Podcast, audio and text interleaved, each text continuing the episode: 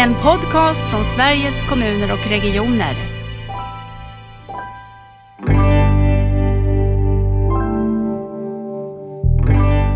Vi är för dåliga på att erbjuda det bredare stödet, det främjande, det medmänskliga, att finnas där för varandra på olika sätt så att färre behöver ställa sig i kön till barn och ungdomspsykiatrin.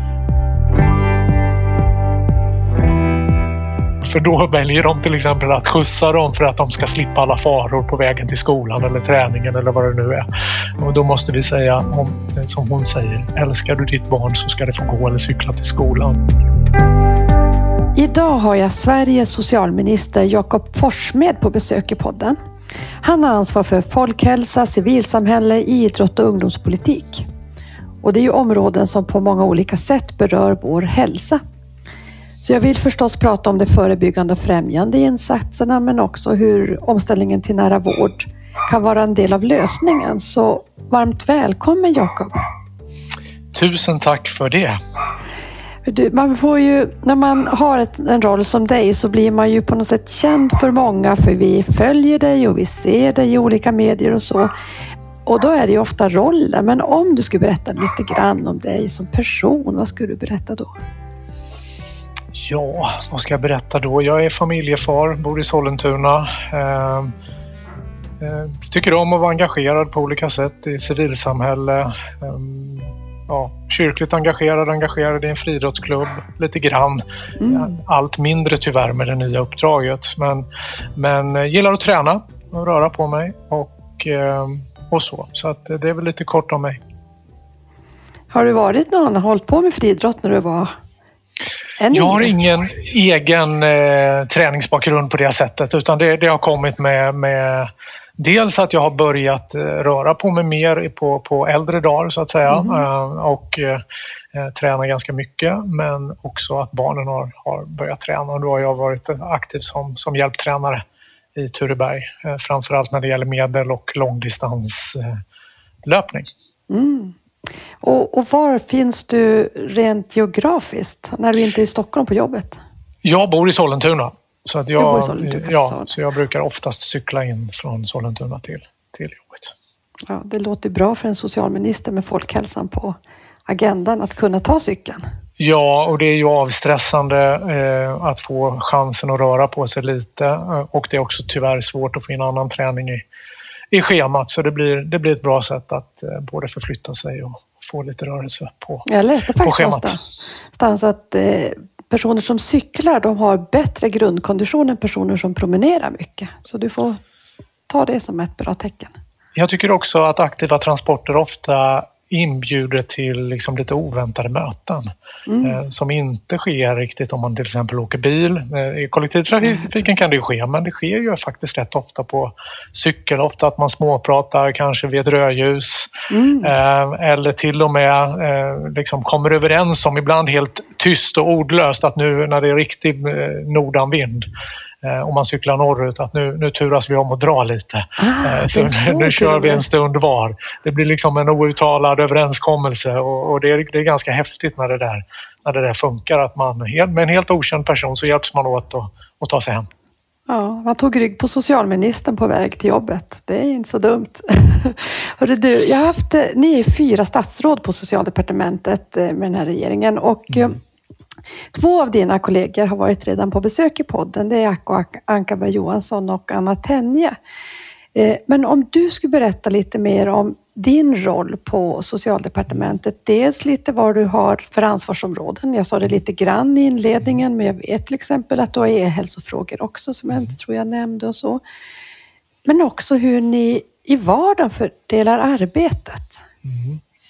Nej, men det, det, stämmer. Vi har ju fyra statsråd. Vi har ju då dels Camilla Waltersson Grönvall som har socialtjänsten, funktionshinderpolitiken, barnrätt och sen har vi Anna Tenje som har äldreomsorgsfrågor och också pensioner och hela socialförsäkringssystemet. Acko Ankarberg som är ansvarig för, för eh, sjukvården och reformeringen av, av sjukvården som är en väldigt viktig prioritering för, för regeringen och, och jag som har hand om lite olika saker. Mm.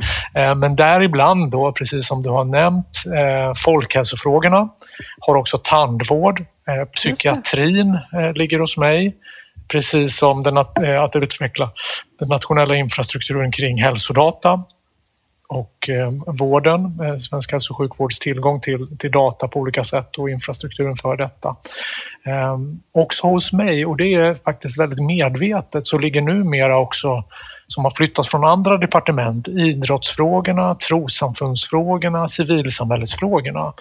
Och tanken med det är ju just att få lite synergier, att se att det här är viktiga dimensioner av hälsa där vi kan jobba bättre tillsammans, inte minst med trossamfund om existentiell hälsa. Vi vet ju Verkligen. redan att det finns samarbete med sjukhuskyrka och, och andra religioner i, i hälso och sjukvården, men det behövs ju också i samhället i övrigt mycket mer, eh, den typen av samarbete. Civilsamhällets erbjudande om gemenskaper mm. är ju också oerhört viktigt eh, i det hälsofrämjande arbetet, inte minst för barn och unga.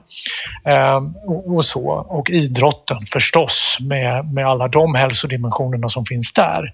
Mm. Så det finns en poäng med detta som jag tycker om att få arbeta med. Att det inte vad vi gör var och en för sig utan mer vad vi kan göra, kan göra tillsammans. Så jag är helt övertygad om att just när det kommer till psykisk hälsa Ja, att där måste vi ju se detta med välbefinnandet, den mm. psykiska hälsan som en uppgift för hela samhället. Ja. Jag tycker vi allt för ofta har tänkt att det där är något för vården att hantera. Precis. Eh, vi behöver korta köerna till vården, till barn och ungdomspsykiatrin. Det. Och det ska vi ju göra. Dit? Ja, men Nej, men det ska vi ju göra för mm. de som behöver vårdens resurser. Mm. Men vi är för dåliga på att erbjuda det bredare stödet, det främjande, det medmänskliga, att finnas där för varandra på olika sätt så att färre behöver ställa sig i kön till barn och ungdomspsykiatrin. Exakt. Eh, och det där måste vi göra, både myndigheten men också i samverkan med, med civilsamhället. Det är så roligt när du säger det, eller så viktigt, för jag tycker ju, ju mer vi ser att rörelsen mot nära vård Eh, går till, vad ska jag säga, till verkstad, det blir så mycket görande nu, så ser man ju också att det kan aldrig bara handla om vården isolerat. För om vi på riktigt vill ställa om och tänka att vi ska vara mer främjande, vi ska ha uppdraget att skapa hälsa, inte bara bota sjukdomarna uppstått, då är det ju mellanrummen mellan de olika aktörerna, mellan trossamfund och civilsamhälle, mellan skola och sjukvård och socialtjänst som det riktigt viktiga kan ske, om vi verkligen ska göra ett paradigmskifte. Mm. Eh, och det tycker jag jag möter mycket i mitt arbete, just hur kan vi också se vården som en spelare på en arena? En viktig spelare, för den har ju ett stort förtroende hos, ja. hos befolkningen så, ja. och med sin kunskap och så. Hur tänker du kring, kring det, kring nära vård och kopplingen till det du nu säger, den här helhetspaletten som du målar upp? Nej, men nära vård tycker jag är så spännande och viktigt också för att det är just ett tänkande att många behövs kring varje person. Att det är mm. relationer som är så viktiga. Att man bygger långsiktiga relationer med vårdpersonalen och att det spelar roll för kvaliteten i, i vården. Men också möjligheten att fånga upp personer på olika sätt och sen försöka hitta bryggor mellan vården och det omkringliggande samhället på olika sätt blir ju väldigt viktigt. viktigt och tvärtom också. Eh, jag tänker på fysisk aktivitet på recept till exempel som ja. vi arbetar med för att försöka utveckla, att det ska bli enklare att använda, enklare att följa upp, eh, att det inte ska vara så stora skillnader över landet. Men det är ju både en viktig, eh, kan ju vara en viktig behandlingsinsats, mm. men det blir också en brygga över till Eh, visst, det är ofta är det individuellt man gör detta men det kan också vara en brygga över till andra sammanhang som dessutom då kan bidra till att både uppföljningen av det blir bättre om man gör det tillsammans med andra. Eh, det blir ett, ett moment av, av, eh, av sådant men också att man får tillfälle till gemenskap med andra människor mm. och på det sättet också ta om hand de behoven. Vi vet att många som kliver in på en faktiskt på en vårdcentral. Det vet vi från Storbritannien och deras forskning och uppföljning kring detta. De gör det ju också för att de har sociala behov. Att, ja, att man, man behöver någon att någon att prata med, att man behöver bli sedd, man behöver bli lyssnad på. Mm. Och, och, och, det där är, är viktiga saker i ett samhälle. Verkligen. Jag, tänker, jag kommer att tänka på för ett antal år sedan i en annan roll jag hade så fick jag åka till eh, Sydkarelen i Finland, till eh, Lappenrant och titta på deras sjukvårdssystem. Och de har ju gjort välfärdscentra istället för, om du tänker vårdcentraler. Mm. Därför att man också där kan möta andra instanser i samhället. Och eh, om man då får sitt fysiska, eh, sin fysiska aktivitet på recept utskrivet så kan man också få hjälp att komma in i en grupp. Det kanske inte är vården som är den gruppen, men en grupp i civilsamhället som man samarbetar med för att få träna tillsammans. För det är lättare att träna tillsammans än att ta sig för sådär själv och inte ha någon tid bokad. Och det var väldigt, väldigt spännande och lite ligger det till grund till den förändring de har gjort i Finland nu som inte har varit enkel och så. Men jag tyckte att det var väldigt intressant att tänka att man kan tänka bredare, att hälso och sjukvården som en spelare för ett bra samhälle som främjar mm. hälsa. Vi har ju exempel i Sverige med, med Västerbotten, Umeå, mm. som också använder sig av det här sättet mm. att ha en slags eh, förskrivning av social gemenskap på olika sätt. Vi vet ju att man inom eh, vissa delar av psykiatri i Sverige jobbar med, med, jag har glömt vad det heter nu, men Friluftsfrämjandet har ju en verksamhet som är utvecklad av, eh, jag tror det är inom professionen arbetsterapi, där man, eh, där man har en särskild metod för att tillsammans med andra i naturen eh, få hjälp och stöd som blir en slags behandling också av, lättare eller mildare psykisk ohälsa. Mm.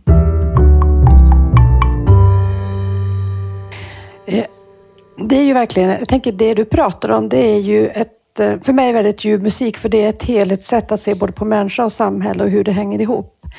Om du skulle säga då, vad är de viktigaste, för regeringen viktigaste områdena som ni nu jobbar med utifrån det här perspektivet du har? Du har nämnt fysisk aktivitet på recept och så. Vad, vad ser du mer?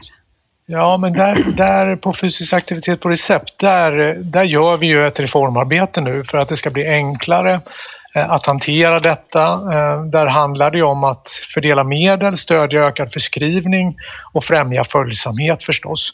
Och också ta fram en digital statlig, alltså en digital infrastruktur för detta så att det blir lika enkelt att använda som att använda så att säga, recept för, för läkemedel. Det tror vi är en, en grund för att få det att mm. funka. Att det ska vara enkelt för personalen att använda sig av den här metoden.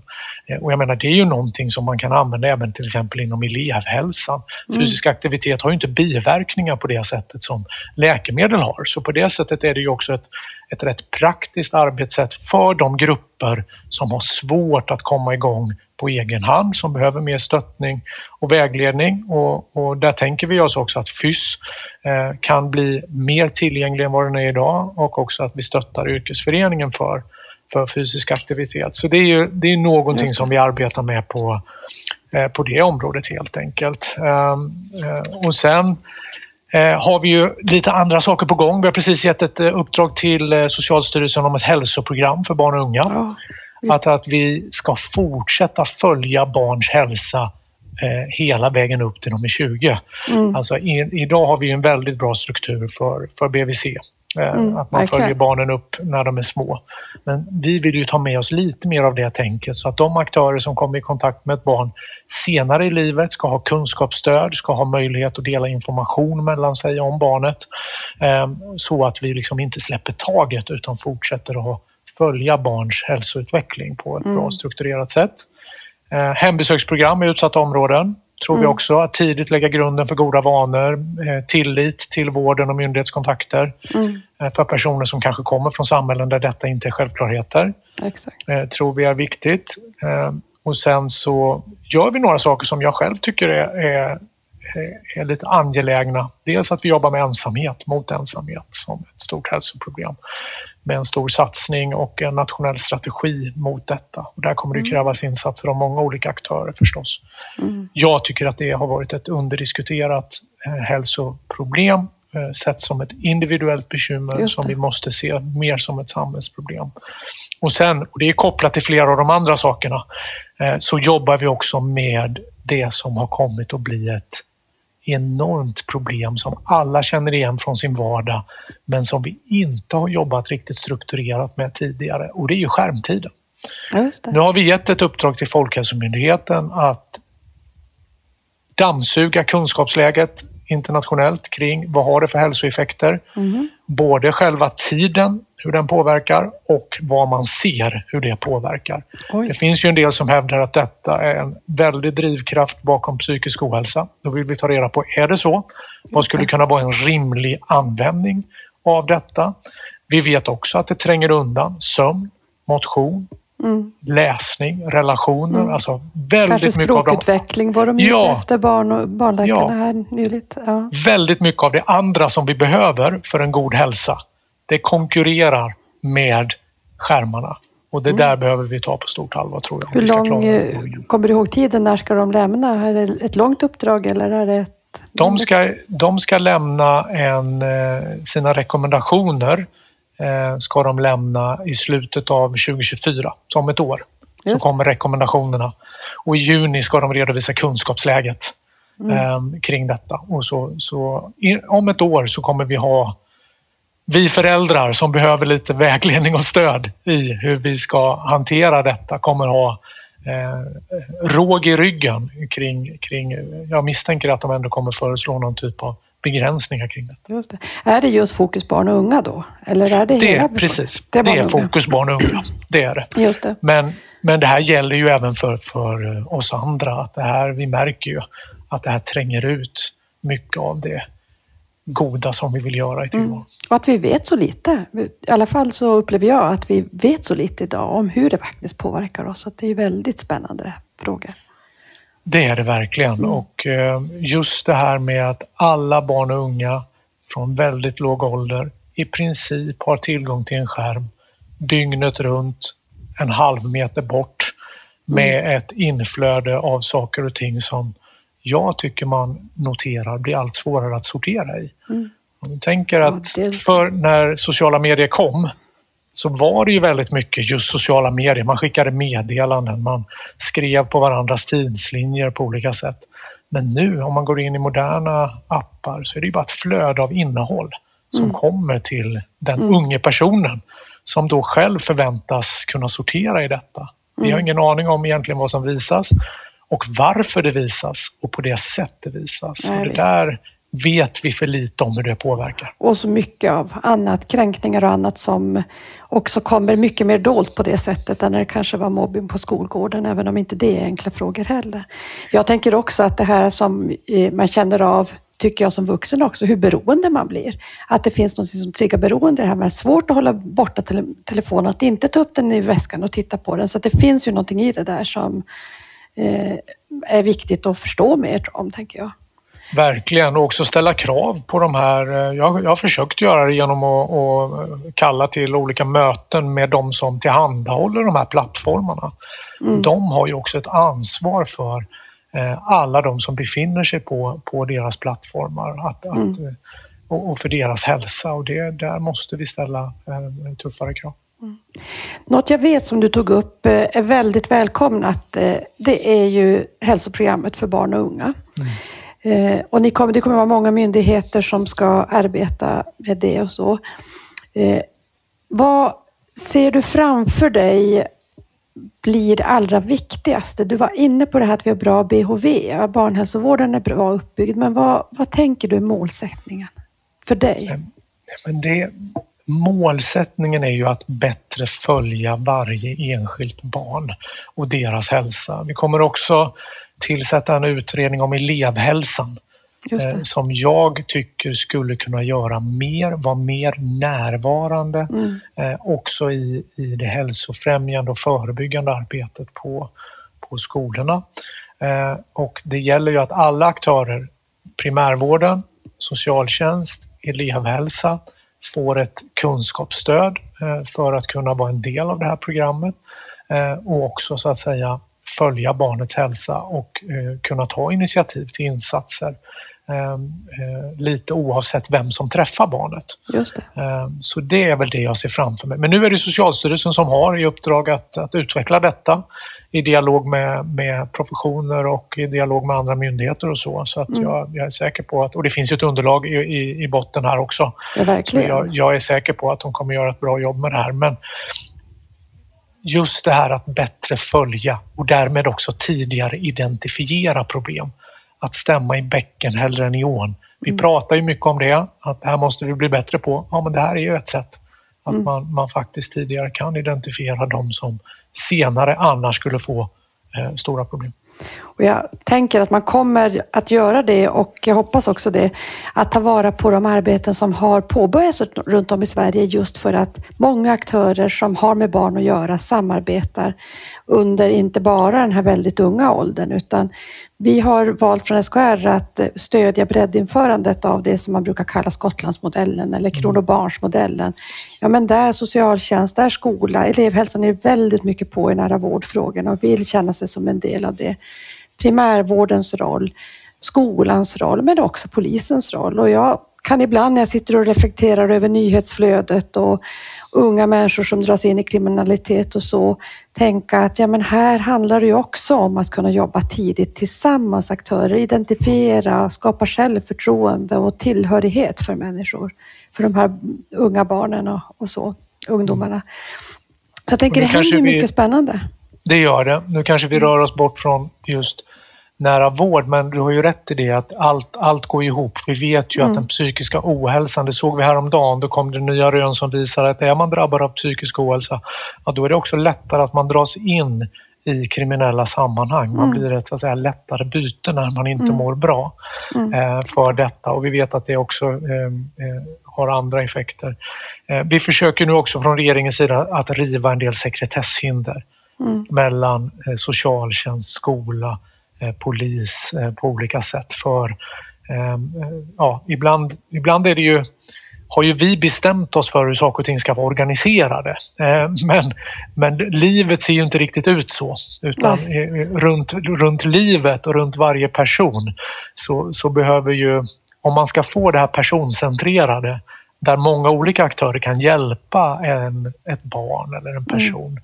ja då, då, kan ju de här sekretessreglerna faktiskt vara ett väldigt stort hinder. Mm. Ja, att man inte kan samlas och träffas runt, runt ett barn på, på ett bra sätt. Så det där ser vi också över.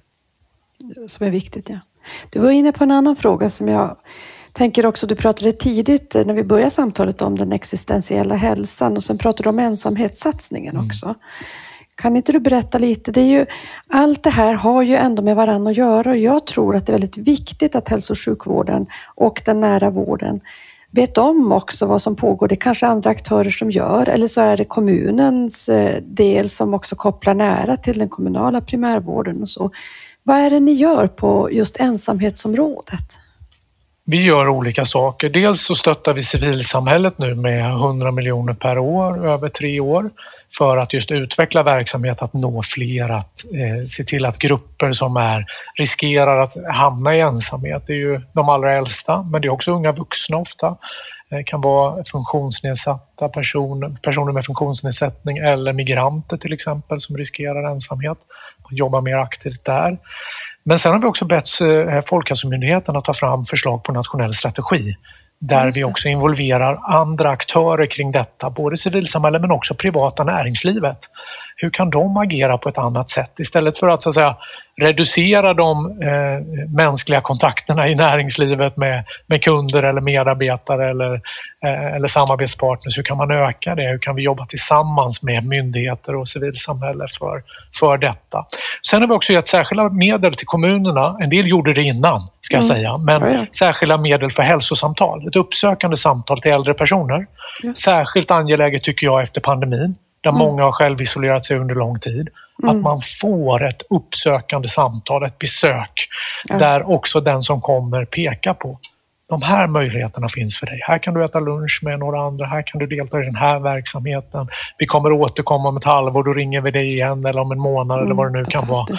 Där man följer upp detta. Och, och, där har vi ju velat från regeringens sida vara en katalysator för det som redan pågår i ett antal kommuner kring detta mm. eh, och få fler att göra det. Det tycker jag känns, känns angeläget. Det du beskriver också om den existentiella hälsan är ju, är ju väldigt spännande tycker jag. Eh, mm. I någon mening är vi ju alla ensamma existentiellt. Ja, alltså, det finns frågor vi aldrig kommer, kommer ifrån om livet Nej. och döden. Nej. Men vi behöver vara medvetna om det. Vi behöver fin det är så mycket lättare att bära det i, i, tillsammans med andra. Mm. Så då behöver man gemenskaper, men vi behöver också förstå att den existentiella hälsan, det är viktigt för hur vi mår. Det är inte bara viktigt i livets slutskede, det är viktigt i många skeden av livet. Vi har nu en situation där väldigt många unga beskriver att deras liv saknar mening, inte minst mm. unga män. Mm.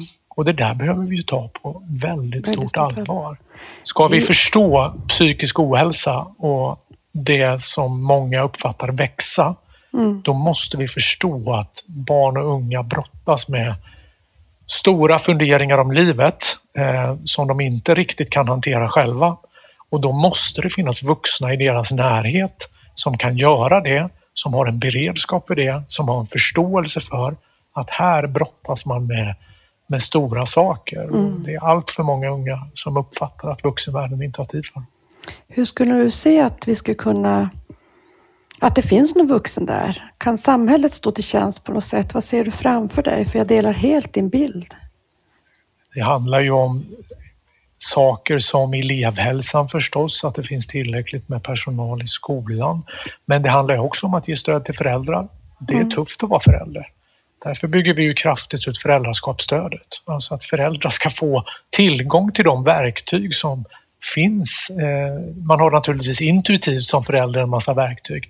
Men vi har färre som har tillgång till mor och farföräldrar i sin närhet som ju har kunnat tradera en del av detta. Eh, vi vet också mycket om hur, hur ja, man kan ta del av forskning och annat för hur man kan hjälpa ett barn som är utåtagerande eller som mm behöver mycket stöd och hjälp på olika sätt. Så föräldraskapsstöd det bygger vi ut nu kraftigt också eh, av det, av det skälet. Men sen tänker jag faktiskt också så här, nu går jag lite utanför min roll som politiker, men om var och en kan ställa sig frågan, finns det någon tonåring i min närhet som inte är så att säga min egen tonåring, mm. där jag kan vara lite observant på den. Eh, hälsa extra mycket på den, ställa lite frågor till den, visa att jag bryr mig om den, den personen.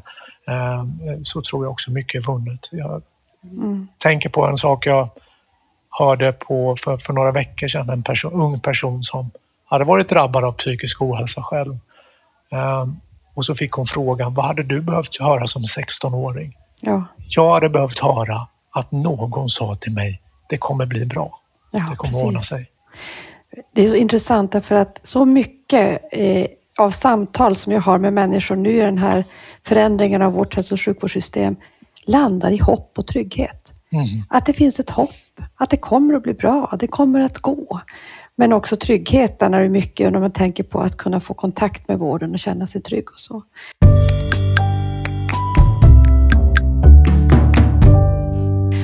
Eh, jag eh, tänkte åter till ensamheten och äldre också att eh, vi har börjat beskriva nära vårdarbetet mycket som ett mellanrumsarbete. Att vårt arbete som finns i välfärden är att se till att, att eh, mm, länka ihop de här mellanrummen som finns för många personer. Det är också där vi har ett stort resurstapp. Gör vi det bättre så kan vi använda våra resurser bättre. Och då tänker jag på de som nu får det här uppsökande samtalet. Kopplingen då till hälsocentralen eller vårdcentralen om att här kanske det är någonting som man behöver göra inom vården för att hjälpa den här personen. Eller som jag bor i Norrbotten, här har vi ju hälsosamtal på vårdcentralerna för 40, 50, 60 och 70-åringar. Och då ska man ju kunna tänka sig att man också på något sätt vet om varandra och gör det här tillsammans kanske, kommun och region, för att eh, både använda resurser väl, men för att det håller ihop för den enskilda. Jag tycker det finns ju mycket där vi har lite ett back-office-jobb att göra i, i kommuner och regioner för att våra tjänster ska både bli effektiva men också så bra som möjligt för den enskilde. Mm. Verkligen. Att, mm. Eh, jättespännande eh, reflektion tycker jag. Mm. Och sen, jag menar, sen är det så, där, det, det är ju så att för att få allt det andra att fungera så är det ju viktigt att det hänger ju verkligen ihop. Får man det andra att fungera då kan man också öka tillgängligheten till vården. Men det är klart att tillgänglighet till vård för den som behöver är väldigt viktigt för, för tilliten och för att man inte ska, för att man ska få en, en trovärdighet i, i det man gör i övrigt också. Så att det är Mm. viktigt att arbeta med den dimensionen. Och det du, jag tror du nämnde det också, liksom att man hittar rätt som, som eh, person så att säga. Att man inte upplever att man måste leta och Nej. hamnar fel en massa gånger eh, innan man hittar rätt. Det vet jag är en stor upplevelse för många som, som har just psykisk ohälsa, psykisk sjukdom Ja. eller psykisk funktionsnedsättning.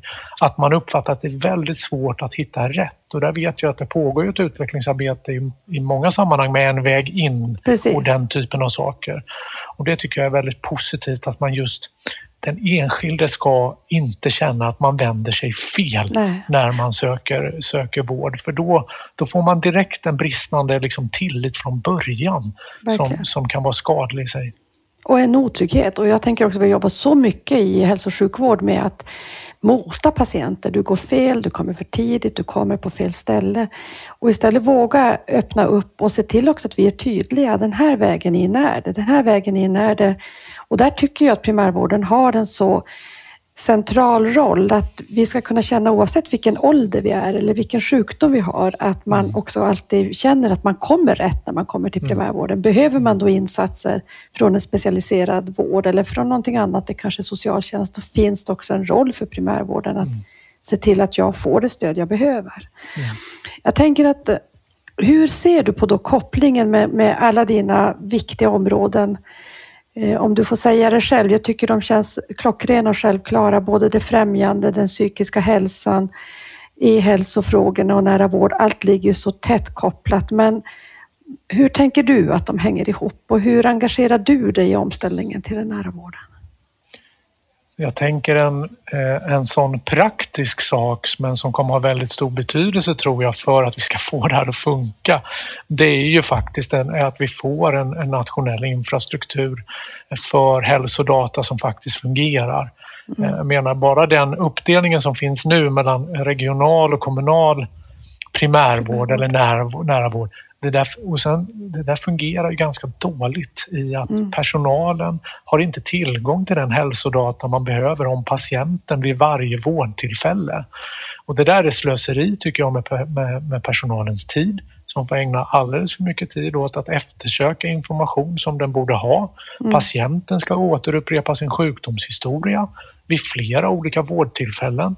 Ja, det är ju inte optimalt ur vare sig patientsäkerhetssynpunkt eller ur patientens perspektiv som inte förstår varför vården inte redan vet detta eftersom den redan har berättat det här. Så vi är ju, ja, det var faktiskt en jag har ju följt de här frågorna nära även i min tidigare roll som ekonomisk-politisk talesperson för hälsa är ju så viktigt för ekonomin men jag hade ju inte följt dem i detalj på det sättet. Så att jag måste säga att det var ju väl det område där jag själv blev mest förvånad över att det finns så stora brister i att vi inte har kapaciteten att se till att informationen följer med patienten på ett, på ett bra sätt. Ibland gör den det och ibland gör den det inte och det är svårt att veta varför det fungerar på vissa håll och inte andra. Men, men vi, där, där måste vi och där jobbar vi hårt med att få till stånd att alla vårdgivare ska ha tillgång till eh, vårddata när man behöver.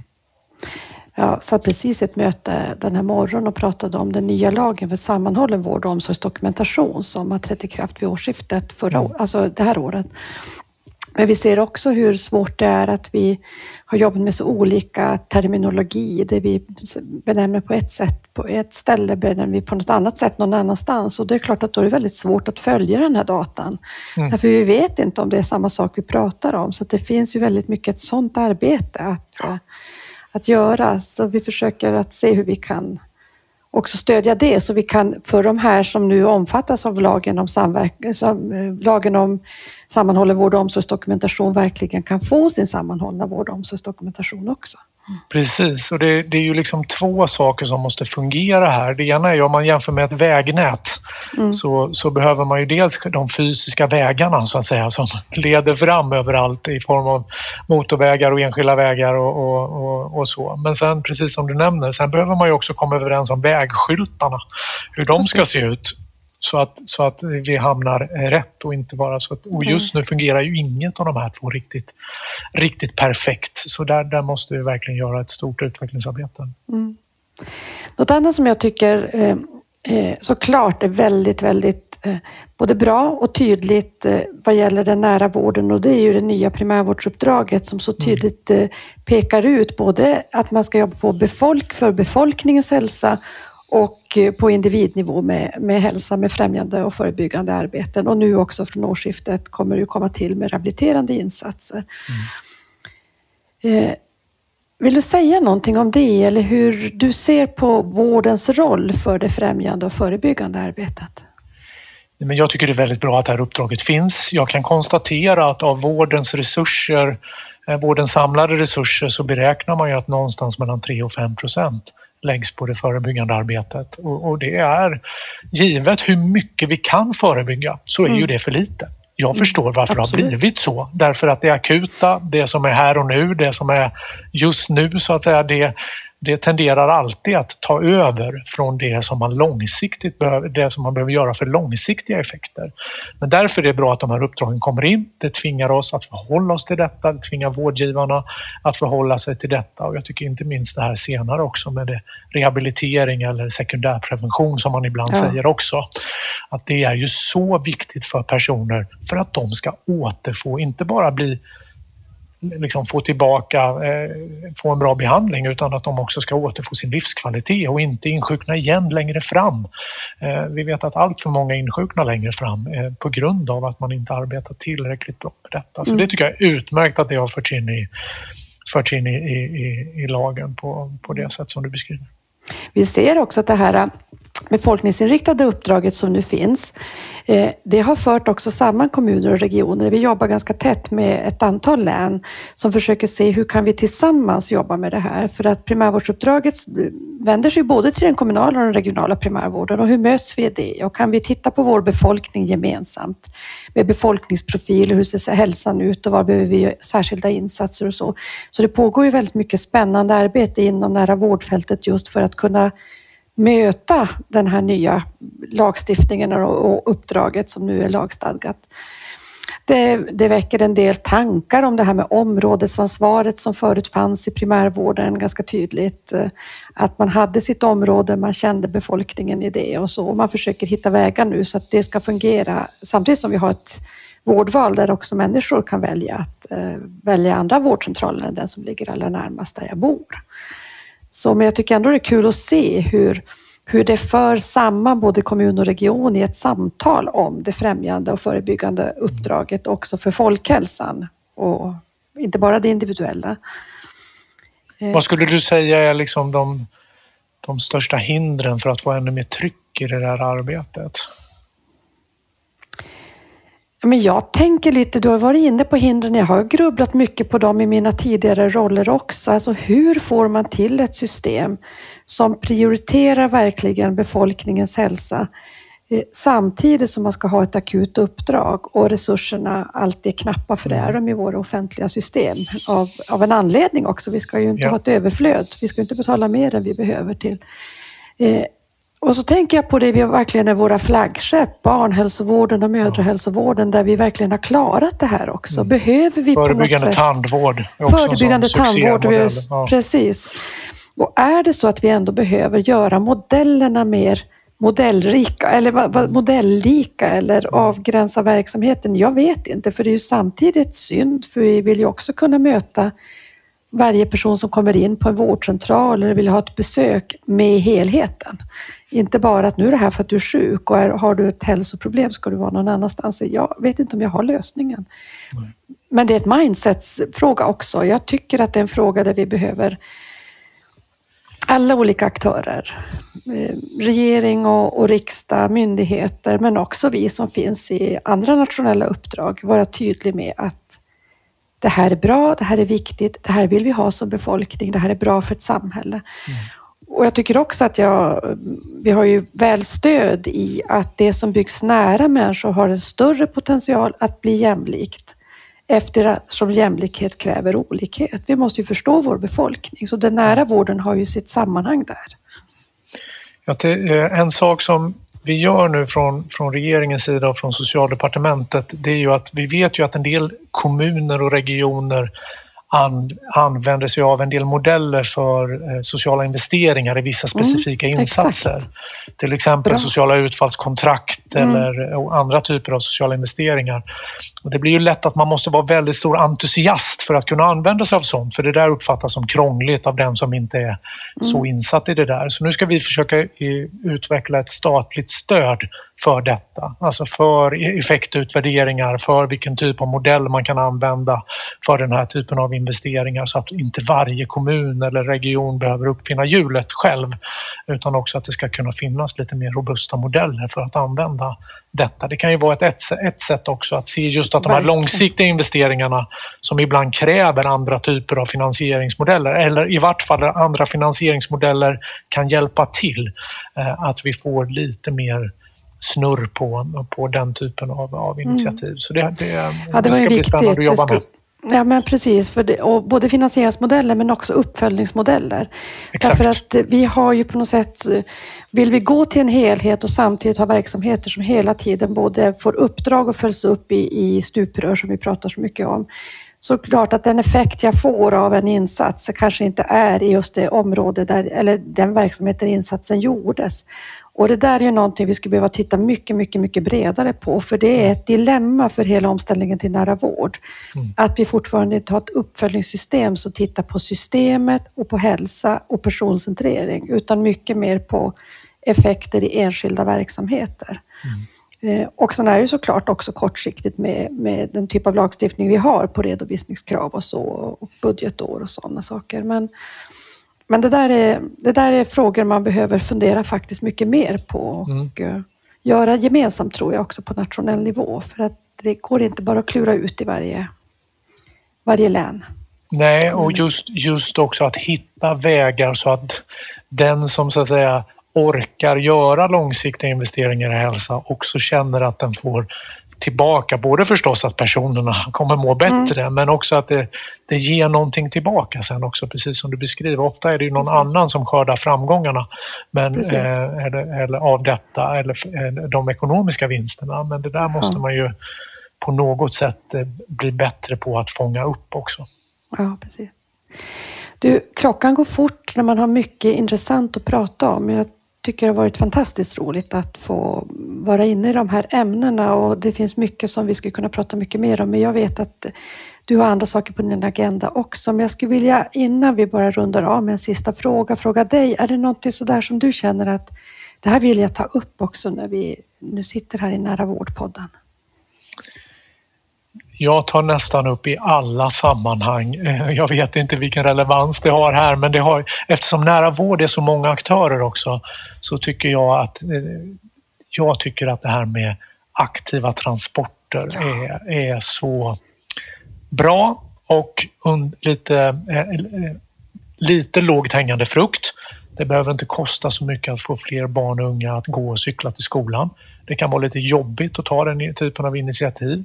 Men jag tror att vi måste göra det. Vi kan inte fortsätta ha en utveckling där allt färre går och cyklar till skolan eh, samtidigt som vi har de hälsoutmaningar vi har. Det finns mycket som vi kan göra för barns och ungas hälsa men det är en sån sak där vi måste liksom hjälpa föräldrar, vi måste hjälpa varandra eh, att ändra på den trenden för det, det, är en sån självklarhet som vi ändå inte lyckas med. Och det är som någon säger om eh, problemet är, det var heter hon Lindqvist från Luleå tekniska ja, universitet. Mm. Anna-Karin, hon sa det problemet är att föräldrarna älskar sina barn. Eh, för då väljer de till exempel att skjutsa dem för att de ska slippa alla faror på vägen till skolan Exakt. eller träningen eller vad det nu är. Och då måste vi säga, om, eh, som hon säger, älskar du ditt barn så ska det få gå eller cykla till skolan för att stimulera både självständighet men inte minst också lite rörelse. Mm, det är underbart, jag som är Lulebo vet du. Ja, ja, ja. Att det där är min, eh, en, ett hjärta jag har stort för. Jag ska säga idag är det, när, spelar, när vi spelar in det här så är det 10 grader kallt, det är strålande sol och lite knastrig snö. Och går det i Norrbotten då, att uh, ungarna, barnen de går till skolan och de cyklar så går det på andra ställen också. Verkligen. Uh, jag vill avsluta med att fråga, uh, Jakob, vad är nära för dig? Nära är väl just det här med att det utgår från var och en och att det är personens behov som, som står i centrum och att det ska finnas eh, runt omkring varje person eh, de, de resurser som, som krävs. Men de är ju inte bara offentliga utan det är ju andra typer av resurser också eh, som, som behövs för att vi ska leva, eh, eh leva bra liv där hela människan får plats.